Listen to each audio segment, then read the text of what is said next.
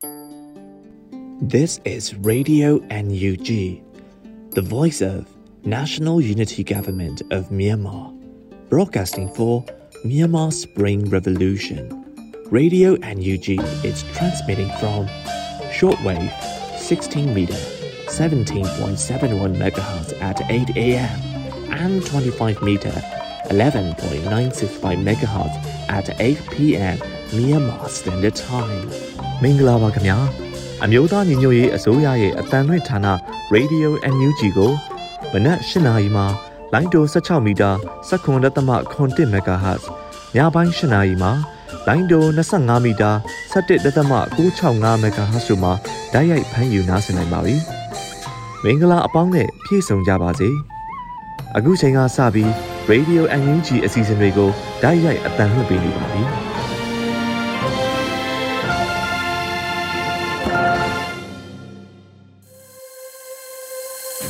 ရေဒီယိုညူချီကိုနားတော်တာဆင်နေတဲ့ပရိသတ်များမင်္ဂလာနေ့လည်ခင်းပါရှင်။ကျမတို့ရဲ့တိုးချက်ထုံးလင်းမှုစီစဉ်ဖြစ်တဲ့နေ့လည်ခင်းအစီအစဉ်လေးကိုစတင်ထုံးလင်းပေးတော့မှာဖြစ်ပါတယ်။ဒီနေ့နေ့လည်ခင်းမှာတင်ဆက်ပေးဖို့ရှိနေတဲ့အကြောင်းအရာတွေကတော့ပြည်သူတွေစိတ်ဝင်စားစေမယ့်နေ့လည်ခင်းသတင်းတွေ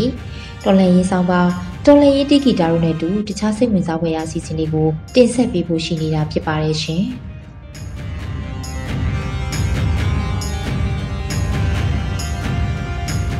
ဒီနေ့နေ့လည်ခင်းရဲ့ပထမဆုံးစီစီအနေနဲ့ပြည်သူတွေစိတ်ဝင်စားစေမယ့်နေ့လည်ခင်းသတင်းတွေကိုတော့ရေဦးမှုမှဖတ်ကြားတင်ပြပေးပါမယ်ရှင်။ နေ့လည်ခင်းသတင်းများကိုတင်ဆက်ပေးသွားမှာဖြစ်ပါတယ်။အခုတင်ဆက်မဲ့သတင်းတွေကို Radio NUG သတင်းတာဝန်ခံတွေနဲ့ခိုင်လုံတဲ့သတင်းမိတ်ဖက်များကအခြေခံတင်ပြထားခြင်းပဲဖြစ်ပါတယ်ရှင်။အကြံဖက်အာနာသိန်းတက်ကပြည်သူ့ကာကွယ်ရေးတပ်ဖွဲ့ PDF တွေကိုနှိမ်နှင်းရန်ရွာသားတွေကိုစုဆောင်းနေကြပါတယ်။အာနာသိန်းလိုက်ပြီးကလေးကမြန်မာပြည်တော်ဝန်မှာခုခံတော်လန်စစ်ပွဲများနေ့စဉ်ဖြစ်ပွားနေပါတယ်။တနင်္လာနေ့ကြာမြင့်ခဲ့ပေမဲ့ပြည်တွင်းပြည်ပမြို့ရင်းတော်ရင်းနေရာစုအနှံ့အပြားမှာစစ်ကောင်စီကိုအာခံတော်လန်သူတွေအင်အားကောင်းနေစေပဲဖြစ်ပါတယ်။မြန်မာပြည်အနောက်မြောက်ပိုင်းစကိုင်းတိုင်းချင်းပြည်နယ်ဘက်ခြမ်းမှာဒေသခံတောင်သူလယ်သမားတွေရဲ့ရရလက်နက်ဆွဲကင်မှုကိုစစ်ကောင်စီဟာရဟတ်ရင်များလက်နက်ကြီးများအင်အားတာလွန်သုံးတော်လဲယနေ့ထက်တိုင်နယ်မြေစုမှုအုပ်ချုပ်နိုင်ခြင်းမရှိသေးပါဘူးဒီဇင်ဘာလ15ရက်နေ့မှာတော့ KNU တပ်ဖွဲ့တွေနဲ့ဂျိုးကြားတိုက်ပွဲတွေဖြစ်ပွားနေရမှာ KNU KNL တပ်မဟာ6နယ်မြေမှာစစ်ဘေးရှောင်ဒုက္ခသည်တွေထိုင်းနိုင်ငံမှာချမ်းပြေးခိုလုံရသည့်အထိရင်ဆိုင်တိုက်ပွဲများပြင်းထန်နေခဲ့ပါတယ်။ AI တိုင်းပသိမ်ခရိုင်အတွင်းမှာရှိတဲ့မြို့နယ်တချို့မှာတော့စစ်ကောင်စီတပ်ဟာခုလိုစစ်အာဏာရှင်ကိုစန့်ကျင်သူပြည်သူ့ကာကွယ်ရေးတပ်ဖွဲ့တွေကိုနှိမ်နင်းမှုအတွက်လူအင်အားတောင်းနေတယ်လို့ဒေတာရင်းရှိအုပ်ချုပ်ရေးအဖွဲ့တာဝန်ရှိသူများထံမှသိရပါတယ်။ပသိမ်ခရိုင်အတွင်းမှာရှိတဲ့တာပေါင်းပသိမ်ကန်ကြီးတောင်ငပူတော်စတဲ့မြို့နယ်လေးမြို့နယ်ထဲမှာ ရခိုင်ရိုးမှတောင်ဆွဲအနီးနဲ့တောင်ပေါ်မှာရှိတဲ့ခြေရွာတွေကိုခုလိုလူအင်အားတောင်းခံနေတာဖြစ်ပါတယ်။တရွာလျင်လူငါဦးစီးစုပေးရန်ဒီဇင်ဘာလဒုတိယဘက်ကစတင်ပြီးတောင်းထားခြင်းဖြစ်တယ်လို့လည်းဒေသခံအုပ်ချုပ်ရေးအဖွဲ့နဲ့နှီးဆက်သူတွေကပြောပြပါတယ်။စစ်ကောင်စီလက်အောက်ခံထွေအုပ်ကညွှန်ကြားစာနဲ့တကွအတီလင်းတောင်းခံတာမျိုးတော့မဟုတ်ကြောင်းတက်ဆွဲထားတဲ့စစ်တပ်ကအလုလက်မဲ့ရွာသားတွေကိုစုထားပေးဖို့ပြောနေကြောင်း ပသိမ်ချောင်းသာကားလမ်းပေါ်မှာရှိတဲ့ရွာတရွာကအုပ်ချုပ်ရေးအဖွဲ့ဝင်တအူးကဆိုပါတယ်စစ်ကောင်စီတပ်တွေနဲ့နှီးဆက်သူတို့အစိုးရပသိမ်ခရိုင်တွင်းကတောတောင်တွေမှာရှိတဲ့ PDF တွေကိုစစ်စင်ရေးအတွက်ခုလို AR စုဆောင်းနေတာလို့သိရပါတယ်စစ်ကောင်စီတပ်တွေဟာဒေသတွင်းမှာရှိတဲ့ပြည်သူ့ကာကွယ်ရေးတပ်ဖွဲ့တွေပေါ်လွန်စွာစိုးရိမ်ပြီးအခုလိုပြင်ဆင်နေကြတာလို့လည်းဆိုပါတယ်အဲ့ဒီဒေသတွေမှာရှိတဲ့တစ်ခုတ်ဝါခုတ်အမဲလိုက်သူတွေကိုလည်းစစ်ကောင်စီတပ်စခန်းတွေမှာခွင့်ပြုချက်ရယူပြီးမှလုတ်ကင်ကြဖို့ တတ်မှတ်ချိန်ကြော်လွန်လျင်ပြစ်သက်မဲဆိုတဲ့အထိချိန်မောင်းတတိပေးထားတဲ့အကြောင်းဒေတာကန်တွေကပြောပါတယ်လူစုတဲ့ပုံစံကလမ်းပြအတွက်ပေါ်တာအတွက်ဖြစ်နိုင်တယ်လို့စစ်စင်ရေးမှာရွာသားတွေကိုလူသားတိုင်းတစ်ဖွဲ့အသုံးချဖို့လည်းဖြစ်နိုင်တယ်လို့အသက်50အရွယ်ခန့်ရှိပသိမ်ခရိုင်အတွင်းကစစ်သားဟောင်းတဦးကပြောပါတယ်စစ်ကောင်စီကဒီဇင်ဘာလပထမဘက်ကစတင်ပြီးခရိုင်မြို့မှာရှိတဲ့ရဲတပ်ဖွဲ့ဝင်များရဲ့ဇနီးများနဲ့အရွယ်ရောက်တဲ့မိသားစုဝင်တွေကိုလက်နက်ငယ်စစ်တပ်နှန်းတွေပေးနေပါတယ်ဒေသခံပြည်သူ့ကာကွယ်ရေးပျောက်ကြားတပ်ဖွဲ့များဟာ စက်တင်ဘာလမှနိုဝင်ဘာလအတွင်းစစ်တပ်ပိုင်းမိုင်းတဲဖုန်းတာဝါတိုင်များကိုပုံခွဲဖျက်ဆီးခြင်းစစ်ကောင်စီသတင်းပေးဒလန်တွေကိုတုတ်တင်ခြင်းရဲစခန်းတချို့နဲ့စစ်ကောင်စီရင်နှန်းတချို့ကိုဘုံခွဲပစ်ခတ်တိုက်ခိုက်ခြင်းတို့ကိုလှုံ့ဆော်ခဲ့ကြပါသေးတယ်။ဒါပြင်စစ်ကောင်စီလက်အောက်ခံဟိုတယ်ဝင်ကြီးနဲ့တိုင်းဝင်ကြီးချုပ်ရင်နှန်းကိုပါဖျက်တိုက်နေတဲ့အထိဒေါ်လာစိတ်မြင့်မားနေတဲ့အတွက်အခုလိုစစ်ကောင်စီဘက်ကကြိုတင်ပြင်ဆင်မှုတွေလုပ်နေရခြင်းဖြစ်တယ်လို့သိရှိရပါတယ်ရှင်။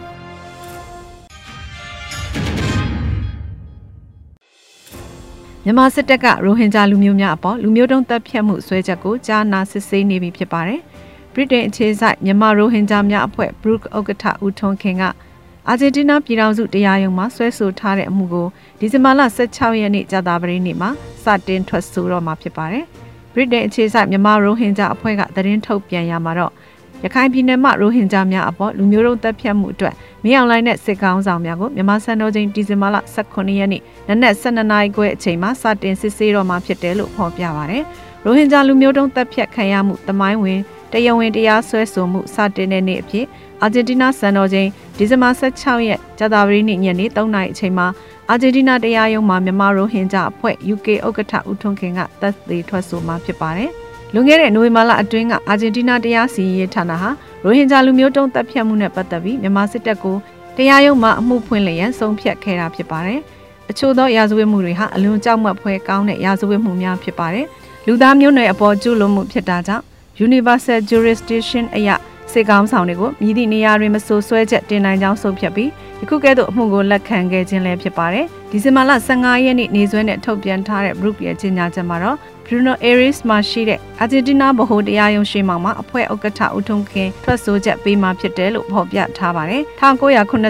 နှစ်တွင်ရခိုင်ပြည်နယ်ရှိရိုဟင်ဂျာများအပေါ်မြန်မာစစ်တပ်ရဲ့ရက်ဆက်ကြမ်းကြုတ်သောငကားမင်းစစ်စင်ရေးအပြီးတွင်ဦးထုံးခင်ဟိမိဘများဟာလူပေါင်း2သိန်းခန့်ဘင်္ဂလားဒေ့ရှ်နိုင်ငံသို့အတင်းအကျပ်ပို့ခံရမှုတွင်ပါဝင်ခဲ့ပါတယ်။ရိုဟင်ဂျာတွေပေါ်ကျူးလွန်ခဲ့တဲ့ပြစ်မှုတွေအတွက်ဆယ်စုနှစ်တွေနဲ့ချီပြီးစ조사ခဲ့ရတာခုလိုထွက်ဆိုခွင့်ရတာဟာရိုဟင်ဂျာတွေအတွက်တမိုင်းဝင်ဖြစ်ရတစ်ခုဖြစ်ကြောင်းမြန်မာရိုဟင်ဂျာအဖွဲ့ဥက္ကဋ္ဌဦးထွန်းခင်ကပြောပါရယ်အမှုကိုလက်ခံပြီးရတဲ့ဘက်အနှဲငယ်ကြာမှာပဲကျွန်တော်ထွက်ဆိုရမယ့်အချက်ကဒီအမှုဟာမြန်မြန်ဆန်ဆန်နဲ့ရည်ရွယ်ချက်ရှိရှိနဲ့ရှေ့ကိုဆက်သွားနေတယ်ဆိုတာကိုပြသနေပါတယ်စစ်တပ်ရဲ့ကြောက်မက်ဖွယ်ရာရာဇဝတ်မှုများကိုတာဝန်ခံမှုရှိစေရန်ကူညီဆောင်ရွက်ပေးတဲ့အာဂျင်တီးနားတရားရေးမန်နိုင်ရဲ့ကျင့်ဝတ်ဆိုင်ရာဦးဆောင်မှုနဲ့ရဲစွမ်းတတိကချီးကျူးဂုဏ်ပြုရပါမယ်လို့၎င်းကဆက်ပြောပါတယ်2019ခုနှစ်မှာစစ်သားများနဲ့၎င်းတို့ရဲ့ကိုယ်စားလှယ်များကရိုဟင်ဂျာထောင်ပေါင်းများစွာကိုတပ်ဖြတ်ခဲ့ပြီး ရှစ်သိန်းခန့်ဘင်္ဂလားဒေ့ရှ်နိုင်ငံသို့ထွက်ပြေးခဲ့ရပါတယ်။အဲ့ဒီချိန်ကလိမ်ပိုင်းဆိုင်ရာအကြမ်းဖက်မှုများကြဲကြဲပြန့်ပြန့်ဖြစ်ပေါ်ခဲ့ခြင်းအပါအဝင်စစ်တပ်ရဲ့လက်ရှိကျူးလွန်နေတဲ့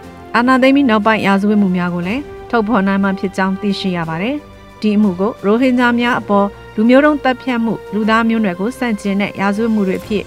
Universal Jurisdiction ဥပဒေအောက်မှာဆွဲဆိုခြင်းဖြစ်ပါတယ်။မြန်မာစစ်တပ်နဲ့ရပ်ဖက်ကောင်းဆောင်တွေပေါ်စုံစမ်းစစ်ဆေးမှုတွေပြုလုပ်ပေးဖို့ Brook အဖွဲ့က2019ခုနှစ်နိုဝင်ဘာလ23ရက်နေ့ကတည်းကအာဂျင်တီးနားဗဟိုတရားရုံးကိုဦးတိုက်လျှောက်ထားခဲ့တာဖြစ်ပါတယ်။ရိုဟင်ဂျာလူမျိုးဆိုတဲ့စကလုံးသုံးဆွဲမှုအပေါ်မှာသဘောထားအမြင်မတူမှုတွေမြန်မာပြည်မှာရှိကြတယ်လို့အာဏာသိမ်းမြန်မာစစ်တပ်ခေါင်းဆောင်မင်းအောင်လှိုင်ကလည်းဒီအသုံးအနှုန်းကိုလက်မခံကြောင်းပြောပေမဲ့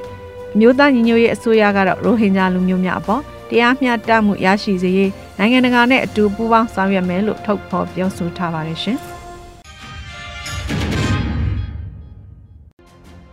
စစ်တပ်ကအာဏာသိမ်းပြီးနောက်တရားမဝင်ကြောက်စိမ့်တူးဖော်မှုတွေပုံမများပြားလာပါတယ်။အကြမ်းဖက်စစ်တပ်ကအာဏာသိမ်းပြီးနောက်ပိုင်းမူရည်စေဝါရောင်းဝယ်ဖောက်ကားမှုလောင်းကစားမှုများဟာမြန်မာနိုင်ငံအနှံ့မှာပုံမဆိုးဝါးများပြားလာနေပြီးတရားမဝင်ကြောက်စိမ့်တူးဖော်မှုလုပ်ငန်းလည်းပါဝင်လာပါတယ်။ကချင်ပြည်နယ်မိုးညင်းခရိုင်ဖားကတ်မြို့နယ်ဖားကတ်လုံခင်းရတနာနယ်မြေတွင်ဆက်ရဲနေရကြီးအလွန်ကျုံသောငါတရားမဝင်ကြောက်စိမ့်တူးဖော်မှုလုပ်ငန်းတွေကိုပြောင်ပြောင်တင်းတင်းလုပ်ကိုင်နေပြီးနိုင်ငံရေးမတည်ငြိမ်မှုများအပေါ်သုံးချလျက်ရှိနေပါတယ်။ ဖားကဲမြို့နယ်ဖားကဲလုံခင်းရတနာနယ်မြေလောက်ကွက်ကို2021ခုနှစ်စက်တင်ဘာလနောက်ဆုံးပတ်ခက်ကစတင်လှုပ်ဆောင်နေတာဖြစ်ပါတယ်။ဒီလောက်ကွက်ကိုအာနာသိန်းစစ်တပ်လက်အောက်ခံနယ်မြေကန်တပ်နဲ့ကချင်လွတ်မြောက်ရေးတပ်မတော် KIA တို့ကလုတ်ကိုင်ခွင့်ပြုထားခြင်းဖြစ်ကြောင်းမစ္စည်းမသတင်းဌာနကစုံစမ်းရေးသားခဲ့ပါတယ်။အဲဒီလိုတရားမဝင်ကြောက်စိမ့်တူဖော်လုပ်ငန်းအများစုကို ဝတပ်ဖွဲ့ပိုင်းမြန်မာတကောင်းကုမ္ပဏီအုပ်စုလောဘတ်ဦးကွေပင်းရဲ့ KNDPC ကြောက်မြတ်ကုမ္ပဏီနဲ့ထူးဆန်ကြောက်မြတ်ကုမ္ပဏီတို့ကအများစုလုပ်ကိုင်နေကြပါတယ်။ဒါအပြင်ပုဂ္ဂလိကလုပ်ငန်းရှင်များအနေနဲ့ဖွာကျင်း73စီရောင်းဝယ်ရေးမှဦးအားတောင်းတဲ့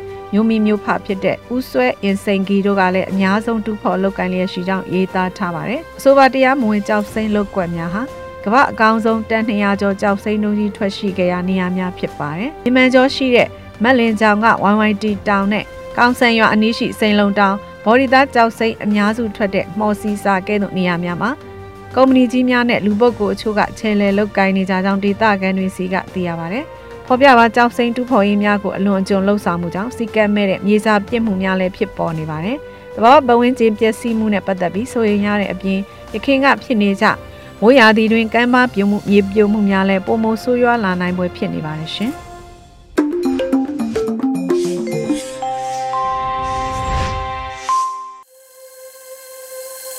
ဗီဒီယိုအန်ယူဂျီမှာဆက်လက်တင်ပြနေပါတယ်။အခုဆက်လက်ပြီးတော့မုံမခသတင်းမြင်ကွင်းဆောင်းပါးမှာတော့ကြာဆင်းနေတဲ့စီးပွားရေးအင်းစိန်ထောင်ကအတန်တိတ်တပိတ်ဆိုတဲ့မုံမခသတင်းမြင်ကွင်းဆောင်းပါးကိုတော့ဟင်းကူကူကဖတ်ကြားတင်ပြပေးပါမယ်ရှင်။ရှိန်နဲ့ကြာဆင်းနေတဲ့စီးပွားရေးအင်းစိန်ထောင်တွေကတန်တိတ်တပိတ်နေ့စဉ်သတင်းတွေထဲမှာမန်းလေးမြို့မှာအရက်သားအုပ်ပြစ်တက်ခံရတဲ့သတင်းအရက်ဝက်နဲ့ ဈေးဝင်လာတဲ့စစ်သားအုပ်တနက်နဲ့ပြစ်တက်ခံရတဲ့သတင်းမြောက်တကုံ31ရက်ကွက်မှာယာယီမှုတူပြစ်တက်ခံရတဲ့သတင်းလိုင်းသားရမှာကြန့်ရှိနေသေးတဲ့ကျူးကျော်တွေ၎င်းတို့အစီအစဉ်နဲ့နေအိမ်တွေဖြတ်ပြီးရွှေ့ပြောင်းနေကြရတဲ့သတင်းနလတာကာလာအတွင်းပြည်ပကုန်သွယ်မှုကရခိုင်နှစ်ထက်ဒေါ်လာတန်320ကျော်ရော့ကျသွားတယ်ဆိုတဲ့သတင်းတွေဖြစ်ပါတယ်။နိုင်ငံတကာတန်တမာရေးဆိုင်ရာသတင်းတွေမှာတော့အမေရိကန်နိုင်ငံသားရေးဝန်ကြီး အာဆီယံ၃နိုင်ငံခရီးစဉ်အကြောင်းကမ္ဘောဒီးယားဝန်ကြီးချုပ်ခွန်ဆန်ရဲ့မြန်မာစစ်ကောင်စီနဲ့ထိတွေ့ဆက်ဆံမှုတိုးလှုပ်လာနေတဲ့သတင်းတွေခွန်ဆန်ကမြန်မာစစ်ကောင်စီဘက်ကအာဆီယံမူ၅ချက်ကိုအကောင့်ထဲပေါ်ဖို့ဆက်လက်စ조사နေတဲ့သတင်းတွေဖတ်ရှုရပါတယ်မြန်မာနိုင်ငံစီးပွားရေးနဲ့ပတ်သက်တဲ့သတင်းတွေကိုဖတ်ရှုကြည့်တဲ့အခါဂုံတယ်မှုတည်တာစွာကြာဆင်းခြင်းလှုပ်လက်မဲ့ရာဂိုင်နှုန်းတိုးမြင့်လာတဲ့အမှတ်အသားတွေလောက်ကိုင်းတွေရှားပါနေခြင်း အလောက်ကိုင်းဆုံးရှုံးနေချိန်မှာပဲနိုင်ငံခြားငွေလဲနှုံးတွေမြင့်တက်ခဲ့တဲ့နောက်ငွေကြေးဖောင်းပွားမှုတွေတိတာထင်ရှားစွာဖြစ်ပေါ်နေတာဟိုတယ်ခီးတွာလာရေးလုပ်ငန်းတွေရဲ့အနာဂတ်မျှော်လင့်ချက်လွန်နေပါနေတာနေဆက်ကုန်သွယ်ရေးလမ်းကြောင်းကိုအဓိကမိခိုနေရတဲ့စီးပွားရေးထုတ်ကုန်တွေရဲ့ဈေးကွက်ပြပြနေတဲ့အခြေအနေတွေကိုသတင်းတွေဖတ်ရှုနေရတာဖြစ်ပါတယ်။ပြည်ရင်းစစ်မီက တဖြည်းဖြည်းကျေပြန့်လာမဲ့လက္ခဏာတွေတွေ့လာရချိန်မှာနိုင်ငံတကာယင်းနှိမ့်ညွံ့နှံမှုတွေအသစ်ဝင်ရောက်လာဖို့အလားအလာလည်းအလွန်နှဲပါသွားတဲ့အခြေအနေနဲ့ဝင်ရောက်ပြီးသားယင်းနှိမ့်ညွံ့နှံမှုလုပ်ငန်းတွေဒီပင်လျင်ရက်ဆိုင်တာထွက်ခေါ်တာတွေတွေ့မြင်နေရလို့လောက်ကိုင်းအခွင့်အလန်းတွေဆုံးရှုံးလာနေတာမဆန်းဘူးလို့ဆိုရမယ့်သဘောဖြစ်ပါတယ်။ဗန်တွေမှာငွေသားထုတ်ယူဖို့အခက်အခဲအကန့်အသတ်ကလာနေချီကြာရှည်လာနေချိန်မြို့ပြတွေရော ကျေးလက်တွေမှာပါနိုင်ငံရေးတည်ငြိမ်မှုမရှိခြင်းနိုင်ငံရဲ့အချို့ဒေသတွေမှာလုံခြုံရေးအကြောင်းကြောင့်အသွာအလာအကန့်အသတ်ဖြစ်ပွားနေတာတွေကဂုံသွယ်ရေးစီးပွားရေးတွေကိုဆိုးရွားစွာ ထိခိုက်စေတာပဲဖြစ်ပါတယ်။လောက်ကင်ဆုံးရှုံးတာတွေကကျွန်တော်တို့ပတ်ဝန်းကျင်မှာကိုယ်တိုင်သိရှိခံစားနိုင်ပြီးစီးပွားရေးကျဆင်းမှုနဲ့ပတ်သက်တဲ့ကိန်းဂဏန်းတွေညွှန်းကိန်းတွေကိုကမ္ဘာ့ဘဏ်အစီရင်ခံစာ အာရှဖွံ့ဖြိုးရေးဘဏ်အစီရင်ခံစာတို့မှာတွေ့ရမှာဖြစ်ပါတယ်။လက်တလုံး ADB အစီရင်ခံစာအရဆိုရင်မြန်မာနိုင်ငံရဲ့စီးပွားရေးဟာ2021ခုနှစ်မှာ18.4ရာခိုင်နှုန်းကျဆင်းသွားတယ်လို့ဖော်ပြထားပါတယ်။ဒီကိန်းဂဏန်းဟာအလွန်ကိုစိုးရိမ်စရာကောင်းတဲ့ကိန်းဂဏန်းဖြစ်ပါတယ်။ဒီလိုဆိုးရွားစွာကျဆင်းရခြင်းဟာနိုင်ငံရေးပြည်ပခတ်ကြီးတသက်မဟုတ်ပဲကိုဗစ်ကူးစက်ကပ်ဘေးကြောင့်လို့ဆိုနိုင်ပေမဲ့ ရခိုင်နှစ်2020ခုနှစ်ကကိုဗစ်ခံရစဉ်တုန်းကစီးပွားရေးတိုးတက်မှုနှုန်းကအနှုတ်လက္ခဏာထိမရောက်ရှိခဲ့ပဲစစ်အာဏာသိမ်းပြီး10လကျော်ကာလစစ်တမ်းရဲ့ရလက်ကနှုတ်လက္ခဏာကို18ရာခိုင်နှုန်းကျော်ထိုးဆင်းသွားတာပါအခုလိုစီးပွားရေးတွေကျဆင်းနေချိန်အလုတ်ကင်တွေဆုံးရှုံးနေချိန်ဝင်ငွေတွေပျောက်ဆုံးလာနေချိန်မှာမြို့ပြကကျူးကျော်တွေကို ပြီးခဲ့တဲ့3လအတွင်းရှင်းလင်းဖယ်ရှားနေတာကဒုက္ခတွေထက်ဆင့်စေတာမြို့ပြကအောက်ဆုံးအလွှာလူဒန်းစားကိုနိုင်ငံရေးအရထောက်ခံမှုလှုပ်ရှားမှုတွေထဲမပါဝင်နိုင်အောင်ထိုးနှက်တဲ့နိုင်ငံရေးနီးပရိရဲ့တခုလို့ကောက်ချက်ချရပါတယ်အခုလိုကျူးကျော်ဖယ်ရှားမှုဟာရန်ကုန်မြို့ကလိုင်းသားရလိုမြို့မှာကျူးကျော်ဖြစ်နေထိုင်ကြတဲ့လူသိန်းတဲ့ချီကိုထိခိုက်စေတာဖြစ်ပါတယ်အဲ့ဒီအထက်ကအများအပြားက နေမျိုးတွေကြေးလက်တွေသူတို့လာတဲ့ဇာတိတွေကိုပြန်ကောင်းပြန်သွားကြရပါလိမ့်မယ်မြို့ပေါ်မှာအလုတ်ကန်ရှားပါလာချိန်မှာအခုလိုနေစရာအတွက်ပါပြဿနာဖြစ်လာတာကြောင့်နောက်ဆုံးမြို့ပေါ်ကပြန်ဆင်းပြီးကြေးလက်မှာပြန်ခိုးဖို့နီးနှမ်းပဲဖြစ်ကောင်းဖြစ်ပါလိမ့်မယ်လူပြကအလုတ်ကန်ခွင်လန်းရှိပြီးအခွန်အကောက်လို့ပြည်တွင်းစစ်ရဲ့ကြရိုက်ရိုက်ခတ်မှုတွေမခံစားရတဲ့အာသာချက်ကြောင့် ဆယ်စုနှစ်တွေနဲ့ချီပြီးကြေးလက်ကသူတွေကမြို့ပြကိုပြောင်းရွှေ့လာခဲ့ကြတာမျိုးဖြစ်ပါတယ်။စီးပွားရေးကျဆင်းမှုကျူးကျော်ပြဿနာတွေအပြင်အခြားသတင်းတွေထဲမှာလက်ရှိအာဆီယံဥက္ကဋ္ဌဖြစ်လာတဲ့ကကမ္ဘောဒီးယားနိုင်ငံဝန်ကြီးချုပ်ရဲ့မြန်မာစစ်ကောင်စီနဲ့ထိတွေ့ဆက်ဆံရေးမူကဘဲလောက်လူကြိုက်များမယ်မှန်းမသိပေမဲ့လည်းဒီမူဝါဒကစစ်ကောင်စီအတွက်အာဆီယံဒေသမှာထွက်ပေါက်တစ်ခုရစီမှာဖြစ်ပါတယ်။ နှစ်စဉ်အလှည့်ကျတဲ့ကမ္ဘောဒီးယားဝန်ကြီးချုပ်ကြောင့်စစ်ကောင်စီဖို့အာဆီယံဒေသမှာသူ့ကိုအတိမတ်ပြုတဲ့နိုင်ငံတနိုင်ငံရှိတယ်ဆိုတာမျိုးပြသနိုင်ခြင်းဟာအာဆီယံရဲ့မြန်မာစစ်ကောင်စီပေါ်ဖိအားကိုရော့ကျစေနိုင်ပါတယ်။ဒီလိုစီးပွားရေးသတင်းတွေနိုင်ငံရေးသတင်းတွေအပြီးမှာတော့အင်းစိန်ထောင်မှာပြီးခဲ့တဲ့ရက်ပိုင်းကဖြစ်ပွားခဲ့တယ်လို့ယူဆရတဲ့အတန်တိတ်တပိတ်လှုပ်ဆောင်မှုကြောင့် နိုင်ငံရေးအကျဉ်းသားချုပ်ရိုက်နှက်ခံရတာရှိတယ်ဆိုတဲ့သတင်းတွေထွက်ပေါ်လာပါတယ်။ဘသူတွေဥဆောင်ကြတယ်ဘလို့နှိပ်စက်ခံရပြီးထိခိုက်ဒဏ်ရာရမှုဘလောက်ရှိခဲ့တယ်လဲဆိုတာတော့ရှင်းရှင်းလင်းလင်းမသိရသေးပါဘူးလို့ရေးသားထားပါတယ်ခင်ဗျာ။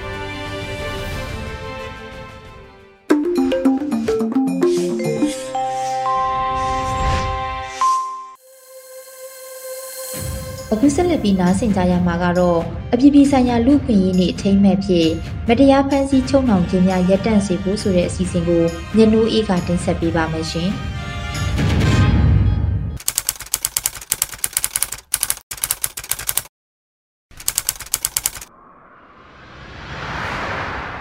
လူတယောက်ကိုစတင်ဖမ်းဆီးပြီဆိုပါစို့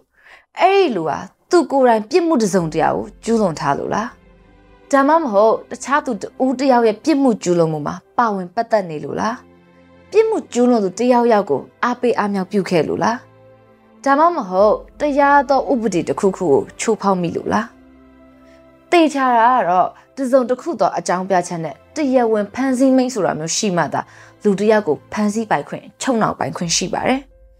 ဒါပေမဲ့အခုအကြမ်းဖက်စစ်တပ်ကဆိုရင်တနိုင်ငံလုံးကပြည်သူလူထုတရက်လုံးရန်သူလိုသဘောထားပြီး ဖမ်းဆီးချင်တဲ့သူဆိုရင်ဘာအထောက်ထားမှမပါဘာအကြောင်းပြချက်မှမပါပဲထင်သလိုဖမ်းဆီးနေတာပါလမ်းပေါ်ထွက်ဆန္ဒပြလို့ CDM လုပ်လို့အနှွေးထဲလူလို့ယုံကြည်ရပေါ်မှာရရင်ခဲကြလို့မတရားဖမ်းဆီးထိမ့်သိမ်းခံခဲ့ရတဲ့ပြည်သူပေါင်းတထောင်ကျော်ရှိနေပါပြီအဆိုးဆုံးကတော့တာသမီကိုဖမ်းမမိလို့တကြီးရွယ်ကိုမိဘတွေကိုဖမ်းဆီးတာမျိုးအဖေကိုဖမ်းမမိလို့အသက်မပြည့်သေးတဲ့ကလေးငယ်တွေကိုတစားခံခေါ်တာမျိုးအမေကိုဖမ်းချင်လို့ရင်ခွင်ပိုက်ကလေးငယ်ကိုပါ ထောင်ထဲထိပ်ပစ်တာမျိုးတွေကတော်ဆိုးဝါးလွန်းတဲ့မတရားဖမ်းဆီးချုပ်နှောင်မှုတွေပါအကြောင်းတစုံတရားကြောင့်ဖမ်းဆီးခံရရင်တောင်မှဘာကြောင့်ဖမ်းတယ်လဲဆိုတာမေးပိုင်ခွင့်တိပိုင်ခွင့်ဆိုတာလူတိုင်းမှာရတင်ရအပ်တဲ့လူအခွင့်အရေးတစ်ခုပါဒါပေမဲ့အခုလက်ရှိအခြေအနေမှာတော့စစ်ကောင်စီခေါ်ရနောက်ကိုအသာတကြီးမှမလိုက်ရင်လမ်းပေါ်မှာလည်းအသက်ထွက်မတက်နှိပ်စက်ခံရမှာဖြစ်ပါတယ်ဘာမှလာမေးမနေနဲ့စခန်းရောက်မှရှင်းဆိုပြီးပြက်လုံးထုတ်ရလောက်အောင်အထိရဲနဲ့စစ်သား ဟိုးရှိကြတဲ့အားကိုလူအခွင့်အရေးတွေကိုပြပြောင်တင်တင်ချိုးဖောက်ခဲ့တာပါဖန်စီချုပ်နှောက်ခံရတဲ့သူတွေဟာဥပဒေအရရတင်ရထိုက်တဲ့ခုခံခြေပပိုက်ခွင့်ရရမှာဖြစ်တယ်လို့အချိန်ကာလတစ်ခုအတွင်းမှာလည်းတရားရုံးပို့ရမှာဖြစ်ပါတယ်ဒါပေမဲ့ဒီအခြေခံလူအခွင့်အရေးတွေကိုဂျမ်ဘတ်စစ်တပ်ကနေ့စဉ်နဲ့အမျှချိုးဖောက်နေတာပါအကြံဖက်စစ်ကောင်စီကပြည်သူအာဏာကိုမတရားသိမ်းယူထားတဲ့ရပ်ပေါင်း330ရက်မြောက်နေ့ဒီဇင်ဘာလ9ရက်နေ့မှာ AAPP ရဲ့ထုတ်ပြန်ချက်ကို ကြည့်လိုက်တဲ့အခါမှာတော့ကိန်းကနန်းတွေကိုအခုလိုပဲမြင်တွေ့ရပါတယ်။1305ဦးကြာဆုံး1956ဦးဖမ်းဆီးခံရ1963ဦးဖမ်းရန်ထုတ်ခံထားရတဲ့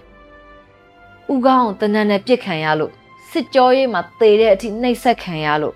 ထောင်ထဲမှာမတရားညှဉ်းပန်းတပ်ဖြတ်ခံရလို့စတဲ့နီလန်ပေါင်းစုံနဲ့ကြာဆုံးခဲ့ရတဲ့ပြည်သူပေါင်း1300ကျော်ကိုရရဆက်ဆက်တပ်ဖြတ်ခဲ့တယ်လို့ပဲ ပြည်သူတောင်းကျော်ကိုလည်းမတရားဖမ်းဆီးချုပ်နှောင်ခဲ့တာပါအဲ့ဒီဖမ်းဆီးခံထားရတဲ့သူတွေထဲမှာ358ဦးကိုလည်းတရားဥပဒေအရရာသင်ရထိုက်တဲ့ခုခံခြေပပိုက်ခွင့်နဲ့မပေးပဲထောင်ဒဏ်ချမှတ်ခဲ့တာပါအဲ့ဒီထဲမှာဆိုအသက်16နှစ်အောက်ကလေး2ဦးအပါအဝင်ကျန်တဲ့36ဦးကိုလည်းတေတံချမှတ်ခဲ့ပါတယ်ဒါအပြင်1963ဦးဟာဖန်ရန်ထုတ်ခြင်းခံထားရပြီးတော့39ဦးဟာမျက်ကွယ်သေးတံချမှတ်ခြင်းကိုခံထားရတာပါ အဲ့ဒီအပြင်ကို118ဦးဟာလည်းမျက်ကွယ်ပြစ်ဒဏ်ချမှတ်ခြင်းကိုခံထားရပါတယ်အစကတည်းကမဖမ်းတဲ့သူတွေကိုကြက်ကလေးငက်ကလေးဖမ်းတယ်လို့ကောက်ဖမ်းလိုအပ်တဲ့အချိန်ကျရင်လွတ်ငိမ့်ချမ်းသာခွင့်ဆိုပြီးတော့ဘလူးကောက်ကိုမင်းသားမျက်နှာဖုံးစွတ်ပြီးတော့လွတ်ပေးတတ်ကြတဲ့စစ်မိတ်စာတွေအတွက်ပပဦးဝင်းတပြောခဲ့ဘူးသလိုပါပဲစစစ်အာဏာရှင်ရဲ့ကျေးဇူးမူးလို့တော့ရှူစရာမရှိဘူးလို့ပဲပြောလိုက်ချင်ပါတော့တယ်အကြံဖက်စစ်ကောင်စီကဘလောက်ပဲဖန်ဖန်ဘလောက်ပဲအမိန်ချချ ဒါတွေအားလုံးဟာမှုစရာကိစ္စတော့မဟုတ်ပါဘူးအမျိုးသားညီညွတ်ရေးအစိုးရကလည်းအကြံဖက်စစ်ကောင်စီရဲ့မတရားဆွဆွဲပစ်တင်မှုတွေတရားရုံးအမိခံရုံးကမတရားသူကြီးတွေရဲ့စီရင်ချက်ချမှုတွေကမူလကတည်းကပြက်ပြက်ပြီးသားဖြစ်တယ်လို့ကြေညာချက်ထုတ်ပြန်ထားပါတယ်မတရားသဖြင့်ဖမ်းဆီးအရေးယူပစ်ပေးခံနေရတဲ့ပြည်သူလူထုအသီးသီးရဲ့လူအခွင့်အရေးနဲ့ဥပဒေအရအခွင့်အရေးဆုံးရှုံးနေတာမှုတွေအားလုံးအတွက် အကြမ်းဖက်စစ်ကောင်စီကလုံးဝတာဝန်ရှိပြီးတော့ဒီလိုမျိုးဥပဒေမဲ့တဲ့လှုပ်ဆောင်မှုတွေအားလုံးအတွက်စစ်ကောင်စီအဖွဲ့ဝင်တွေတကွအပေါင်းပါတွေအားလုံးပေါ်ပြင်းထန်ထိရောက်စွာရေးယူပစ်ပေးသွားမယ်ဆိုတာမျိုးကိုကြေညာထားတာကိုတွေ့ရှိရပါတယ်။လေထဲကအစိုးရပဲကွာကြောက်စရာမလိုပါဘူးဆိုပြီးစက်မိုက်မယ်ဆိုရင်တော့ကိုထိုင်နဲ့ကိုကံပါပဲလို့ပြောချင်ပါတယ်။ရိုင်းဆိုင်ရုပ်မာလွန်လာတဲ့စစ်အာဏာရှင်တွေရဲ့လက်အောက်မှာလူအခွင့်အရေးဆိုတာဘလို့မှရှာမရတာမို့လို့ စိတ်သုံးနေတဲ့လူအခွင့်အရေးတော်လန်ရေးနဲ့တိမ်ပိုက်ကြဆိုတဲ့ကြွေးကြော်တန်းတဲ့အတူတော်လန်ရေးအောင်နိုင်ဖို့အားလုံးပါဝင်စ조사နေကြသလိုဒီလိုမျိုးလူအခွင့်အရေးတို့ပျောင်ပျောင်တင်းတင်းချိုးဖောက်နေကြတဲ့သူတွေကိုထိထိရရောက်အရေးယူအပြစ်ပေးနိုင်ဖို့မြန်တို့တို့အားလုံးအားကုန်စိုက်ထုတ်ပြီးစ조사ကြရအောင်ပါငါတို့တွေနိုင်မှလွတ်မဲ့သူနဲ့ငါတို့တွေနိုင်မှကျွတ်မဲ့သူတွေအတွက်သွေးမအေးကြပဲအရှုံးမပေးကြပဲဆက်လက်တိုက်ပွဲဝင်ပေးကြဖို့အားလုံးကိုမေတ္တာရက်ခံချင်ပါတယ် အရေးတော်ပုံအောင်ရမယ်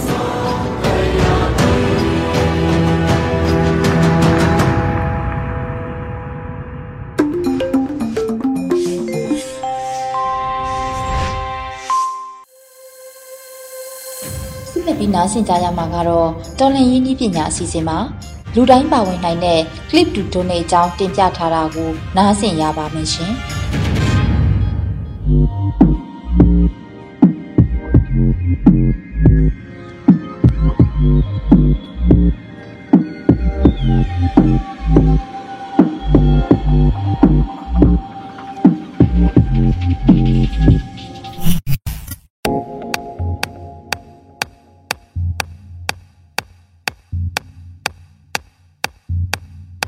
ဒေါ်လာရင်းနှီးပညာစီစဉ်ကနေပြန်လည်ကြိုဆိုလိုက်ပါတယ်။မြန်မာနိုင်ငံသူနိုင်ငံသားအပေါင်းမင်္ဂလာပေါင်းနဲ့ပြည့်စုံသောနေ့ရက်တွေကိုအမြဲဆုံးပြန်လည်ပိုင်ဆိုင်နိုင်ကြပါစေကြောင်းဒေါ်လာရင်းနှီးပညာစီစဉ်ဝိုင်းတော်သားများမှဆုတောင်းမေတ္တာပို့သလိုက်ပါတယ်။ဒေါ်လာရင်းနှီးပညာစီစဉ်ဟာဒေါ်လာရင်းကာလအတွင်းလိုအပ်နေတဲ့နှီးပညာတွေကိုပံ့ပိုးပေးနေသလိုဒေါ်လာရင်းရဲ့ထောက်ပံ့ဖြစ်စေတဲ့နှီးပညာဆိုင်ရာအကြောင်းအရာတွေကိုလည်းမျှဝေပေးနေတာဖြစ်ပါတယ်။ ဒီအတွက်မှာတော့တော်လိုင်းအတွက်အရေးကြီးတဲ့လိုအပ်မှုတွေကိုပံ့ပိုးနိုင်မှုအတွက်လူတိုင်းပါဝင်နိုင်တဲ့ click to donate အစီအစဉ်တွေဟာဘယ်လိုလုပ်လို့တလဲလူတိုင်းဘယ်လိုပါဝင်လို့ရတယ်လဲဆိုတာကိုဆွေးနွေးပြထားပါတယ်။ဘုံကနေလင်းတစ်ခုကိုနှိပ်ပြီးဆိုရတရရဲ့ပန်နာကိုကြီးမားတဲ့စိတ်ပိုင်းတစ်ခုအနေနဲ့ထောက်ပံ့နိုင်တာဒါဟာတော်ရုံ idea ဝင်ကူနိုင်စရာနည်းနည်းမှမဟုတ်ပါဘူး။မြန်မာပြည်သူတမ်းမောင်းများစွာတွေကများပြားထားတဲ့လူအုပ်ကြီးဟာလွတ်လပ်ရေးအတွက် click တွေနှိပ်ကြတယ်ဗျာ။ click to donate ကနေစလို့ဖုန်းလေးကနေစင်းကြော်ညာတွေကိုကြည့်ပြီး တော်လိုင်းရဲ့လိုအပ်နေတဲ့ကဏ္ဍတွေကိုပံ့ပိုးပေးနေတဲ့ application တွေ website တွေကိုဒီလူအုပ်ကြီးကနေ့စဉ်နဲ့အမျှဝင်ရောက်သုံးစွဲနေကြပါတယ်။ဒါကြောင့်လည်းကျန်းဖက်အစိုးရကလူမှုအနေနဲ့ internet သုံးစွဲဖို့လက်လက်မှတ်မိနိုင်အောင်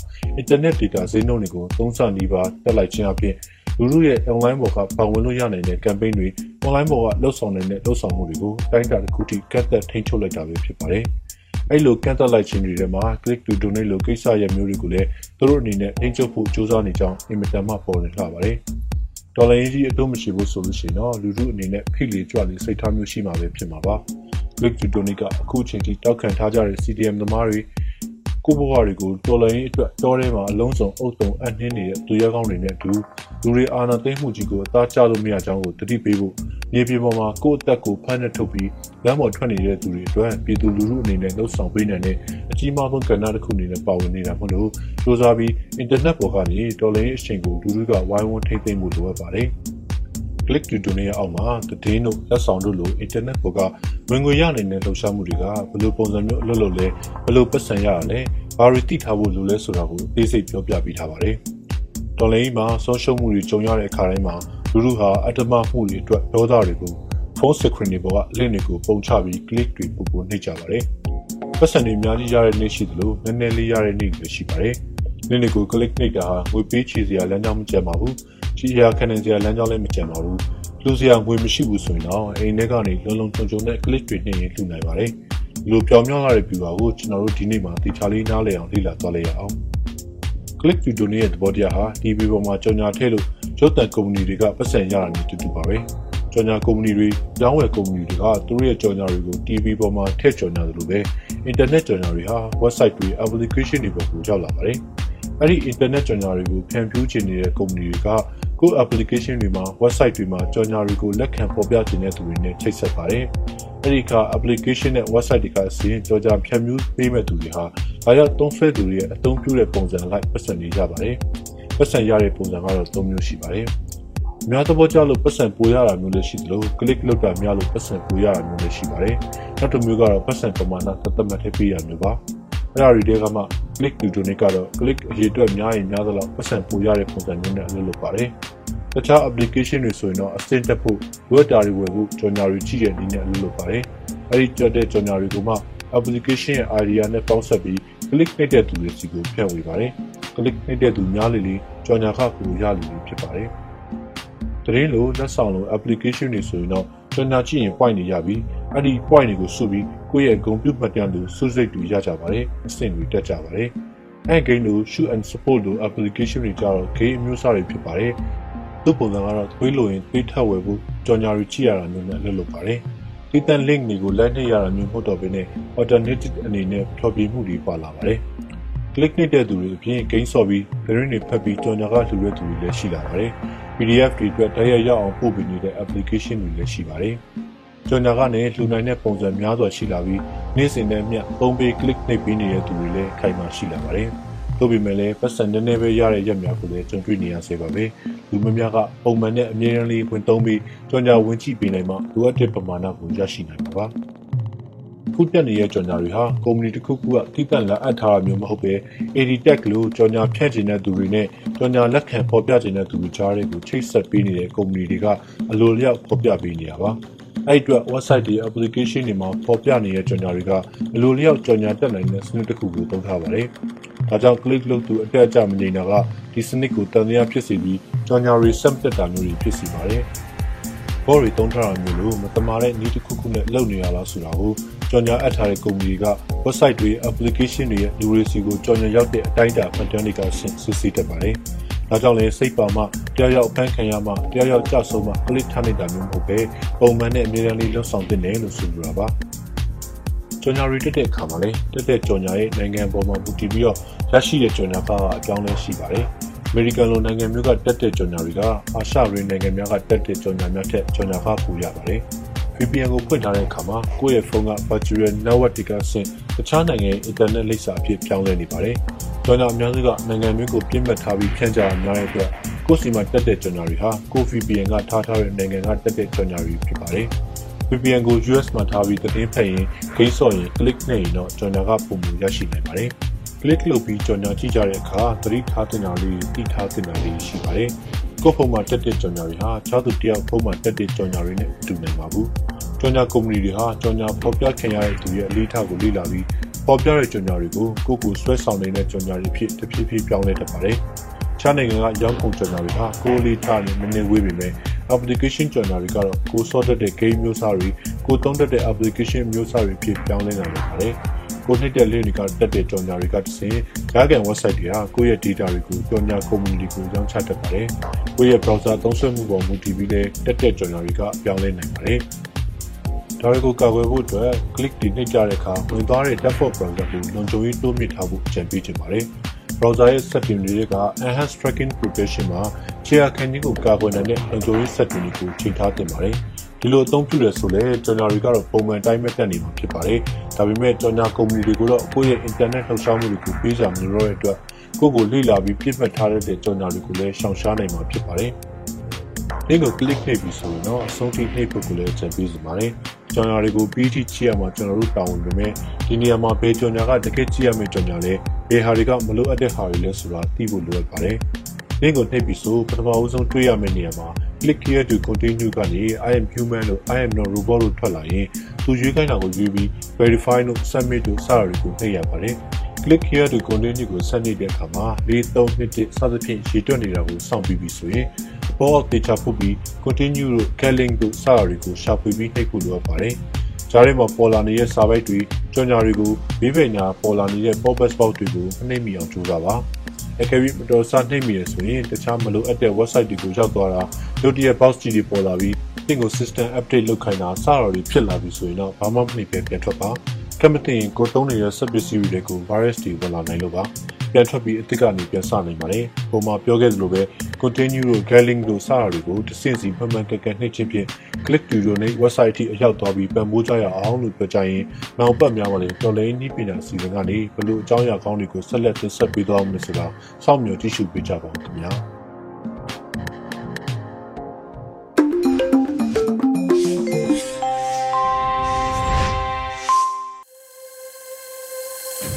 ဒီနေ့နေ့လည်ခင်းရဲ့နောက်ဆုံးစီစဉ်အနေနဲ့တော်လှန်ရေးတိဂီတာအစီအစဉ်ကိုတင်ဆက်ပေးခြင်းပါတယ်။တီးရီတီးဆူမိမိရဲ့သူရဲကောင်းတို့ရဲ့မြမပြီးဆိုတဲ့တိဂီတာကိုနားဆင်ကြရတော့မှာဖြစ်ပါတယ်ရှင်။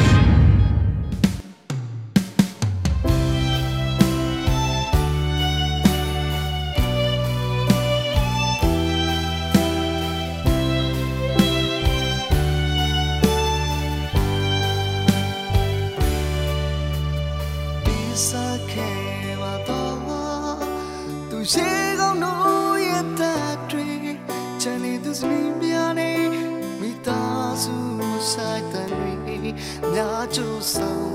pisa jene di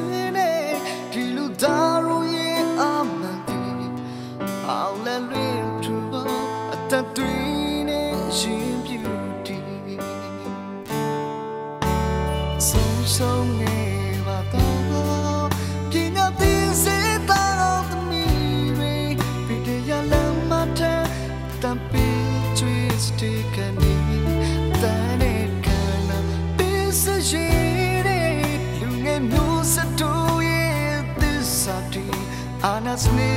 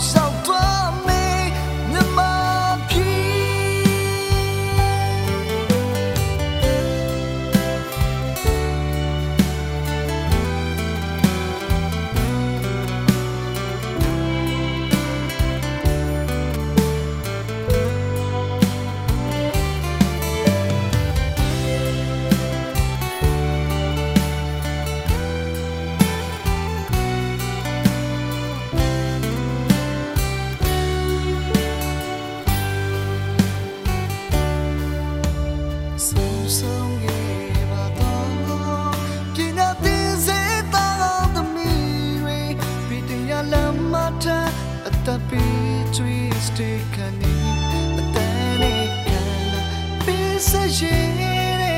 လူငယ်မျိုးစတူရဲ့အမတီအနာစနေဆိုပြတ်တော့မတွေ့